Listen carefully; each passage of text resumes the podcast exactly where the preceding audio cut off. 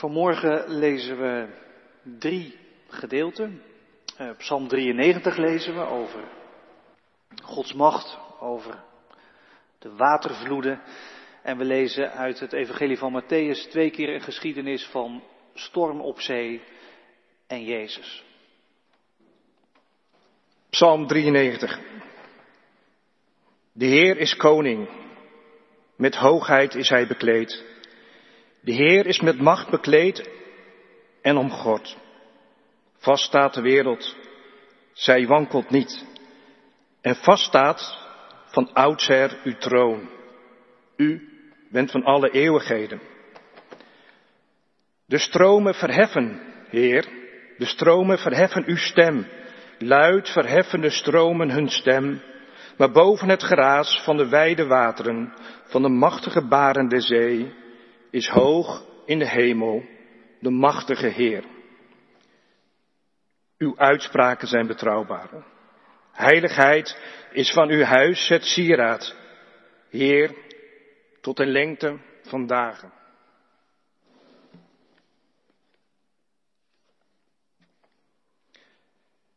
Naar de overkant van het meer.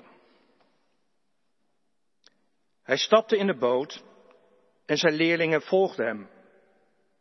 Plotseling begon het meer enorm te kolken, zodat de boot bijna door de golven werd verzwolgen. Maar Jezus sliep. Ze maakten hem wakker en riepen, red ons Heer, we vergaan. Hij zei tegen hem, waarom zijn jullie zo angstig, kleingelovigen? Toen stond hij op en sprak de wind en het water bestraffend toe. En het meer kwam geheel tot rust. De mensen stonden verbaasd en zeiden, wat is dat toch voor iemand die zelf de wind en het water hem gehoorzamen. Meteen daarna gelastte hij de leerlingen in de boot te stappen en alvast vooruit te gaan, naar de overkant. Hij zou ook komen nadat hij de mensen had weggestuurd. Toen hij hen had weggestuurd had, ging hij de berg op om in een afzondering te bidden. De nacht viel en hij was daar helemaal alleen. De boot was intussen al vele stadien van het vasteland verwijderd en werd, als gevolg van de tegenwind, door de golven geteisterd. Tegen het einde van de nacht kwam hij naar hem toe, lopend over het water. Toen de leerlingen hem op het water zagen lopen, raakten ze in paniek. Ze riepen een geest en schreeuwden het uit van angst. Meteen sprak Jezus hen aan. Houd moed. Ik ben het. Wees niet bang. Petrus antwoordde, Heer, als u het bent, zeg me dat ik over het water naar u toe moet komen. Hij zei, kom. Petrus stapte uit de boot en liep over het water naar Jezus toe. Maar toen hij voelde hoe sterk de wind was, werd hij bang. Hij begon te zinken en schreeuwde het uit. Heer, red me. Meteen strekte Jezus zijn hand uit.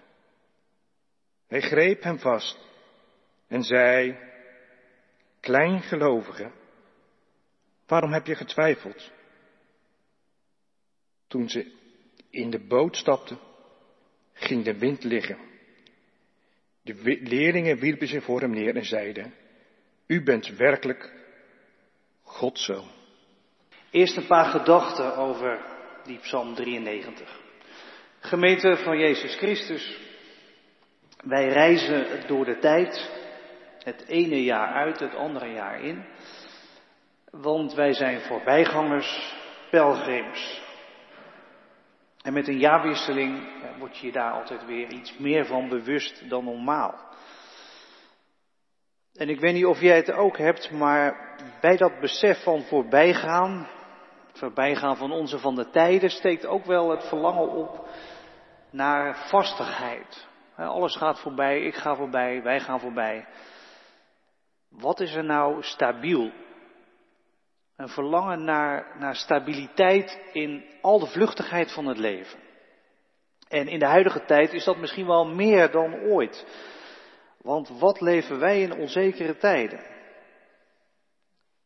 We weten niet wat ons te wachten staat. Ja, dat weet je nooit natuurlijk, maar, maar nu nog veel minder. Tenminste, zo voelen wij dat. Wat staat ons te wachten aan coronagolven, virusvarianten, maatregelen? Graag een beetje vastigheid. Daarom dacht ik, laten wij vandaag eens een stevige psalm lezen, psalm 93. Is er ergens vastigheid te vinden? Psalm 93 zegt, er is een wereldregering. En niet als fantasie van een of andere complottheorie, maar een echte regering van de wereld, de regering van God.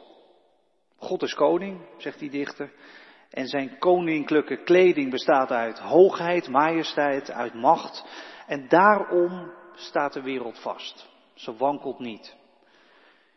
Is er vastigheid? Ja, de wereld staat vast omdat Gods regering, Gods troon vaststaat. Die staat recht overeind, die wankelt niet.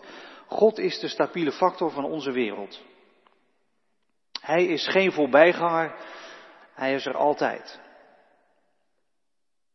Van alle eeuwigheden. Ja, eh, mooi gezegd van die dichter. Maar die vastigheid van God en van de wereld, zegt dat ook iets over jou en over mij? Zegt dat iets over ons in dit nieuwe jaar? Kijk, dat God van alle tijden is, dat, dat wist je wel, dat heb je vaker gehoord.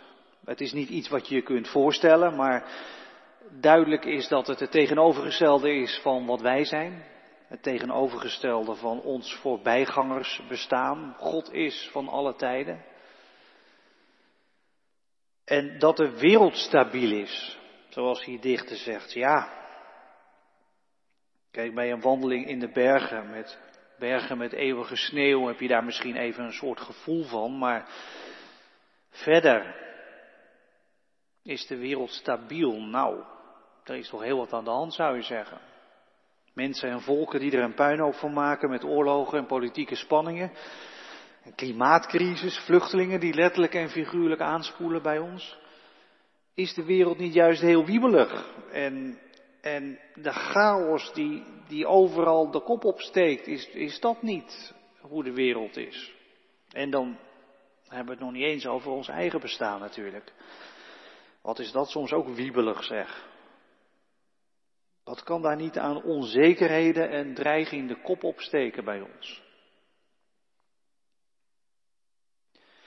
Nou ja, dat ziet die dichter ook wel. Daarom heeft hij het in zijn lied over de stromen die hun stem verheffen over het geraas van de wateren, over machtige golven van de zee.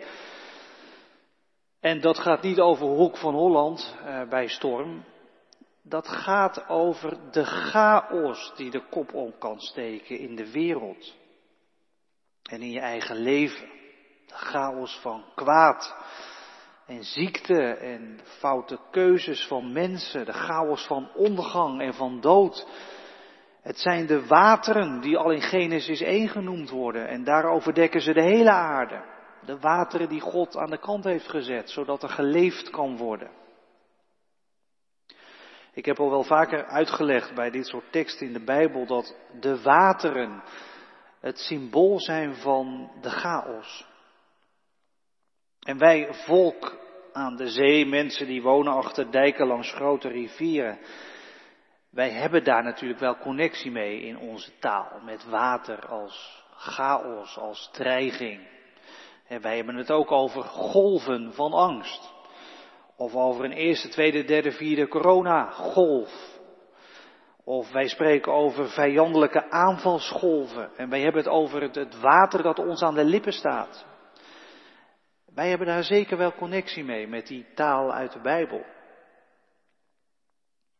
En die dichter kijkt dus om zich heen in, in haar of, of zijn leven. En die ziet in de wereld de golven van de chaos. En die hoort hoe oorverdovend sterk de chaos is in de wereld. in zijn leven, in haar leven. Alleen kijkt die dichter dus verder.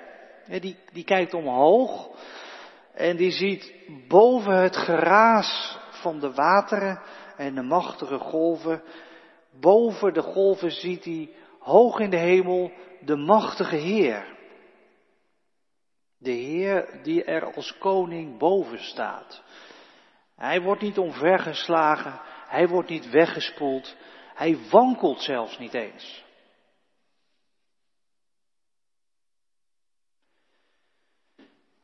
Ik denk dat die dichter tegen ons wil zeggen, kijk zo eens naar het nieuwe jaar dat voor je ligt. je kunt natuurlijk als een berg opzien tegen allerlei golven in het leven, tegen onzekerheid, tegen chaos. Maar, zegt die dichter, kijk iets hoger, boven de onzekerheid, boven de chaos die in 2022 mogelijk is, staat hoog in de hemel de machtige Heer.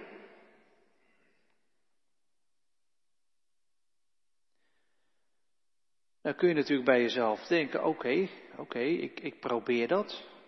Ik probeer dat in het oog te houden. Ik, ik ga proberen God in het oog te houden, ook komend jaar. Maar dat, dat hoog in de hemel, hè, ontastbaar voor de golven, dat klinkt ook wel ver weg. Want, want wij leven midden in die golven en wij kunnen erin wegzakken. En wij moeten er met ons levensschip doorheen varen. Wij zitten er middenin. En ons bestaan gaat op en neer door de golfslag en soms maakt ons bootje water.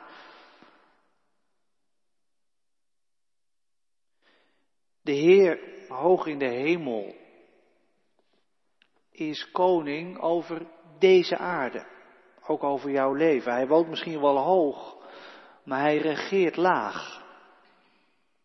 En en dat mag je zeker ook zeggen, hij woont niet alleen hoog, hij woont ook laag. Hij woont ook laag. Dat hebben we gelezen uit Matthäus, Matthäus 8 en Matthäus 14. Twee keer de leerlingen in het schip. Midden in het water, midden tussen de golven. Petrus die wegzakt in de waterdiepte. Die leerlingen zien dat Jezus komt dat Jezus er is, laag, beneden, in het water, tussen de golven. En dat Jezus Heer blijkt te zijn over de wateren. Die leerlingen vragen zich in de eerste lezing vol verbijstering af, wie is Jezus? Dat zelfs de wind en het water hem gehoorzamen. Wie is Hij? En de kans is groot dat zij in hun verbijstering hebben gedacht aan Psalm 93. Over de machtige Heer, boven de golven, boven de wateren. Of dat ze aan een van die andere psalmen hebben gedacht, waarin wordt gezegd dat God heerst over de wateren. Want als je dat gaat nazoeken, dat is best leuk om te doen, dat heb ik gedaan. Eh, dan zie je dat het echt een thema is hè, in de psalmen. God die Heer is over de wateren. Ik vond Psalm 18, 29, 32, 33, 46, 74, 77, 78, 104 en 124. Dat is een hele rij. En dan heb ik nog een paar overgeslagen. Die gaan over een gebed om hulp. Of God wil redden uit het water. Die psalmen, die hebben dat als thema. God is Heer over het water. En die discipelen die dus hun Heer zagen, die ook over het water kon gebieden. Zij hebben ongetwijfeld gedacht, wie, wie is Jezus? Is er een connectie tussen die psalmen en, en Jezus? En in de tweede lezing trekken ze dan ook de conclusie, Jezus is de Zoon van God. In Jezus komen wij God zelf tegen, de machtige Heer die hoog troont boven de wateren. Dus God de Heer, die hoog troont, Hoog is niet ver, hoog is machtig. Maar hij woont laag, onze God. Kijk maar naar Jezus. Hij is laag gekomen en hij is er midden in de golven. Kijk in het komend jaar heel vaak naar Jezus, zou ik zeggen. In Hem is God ons water ingestapt en Jezus pakt je hand als jij wegzakt. En Jezus stapt in jouw levensschip en hij vaart mee door het jaar van 2022. Hij vaart mee in jouw schip door de golven en de onzekerheden heen op weg naar de overkant. En Jezus, Hij is Heer. Heer van deze wereld. Heer van jouw leven. Heer over de wateren.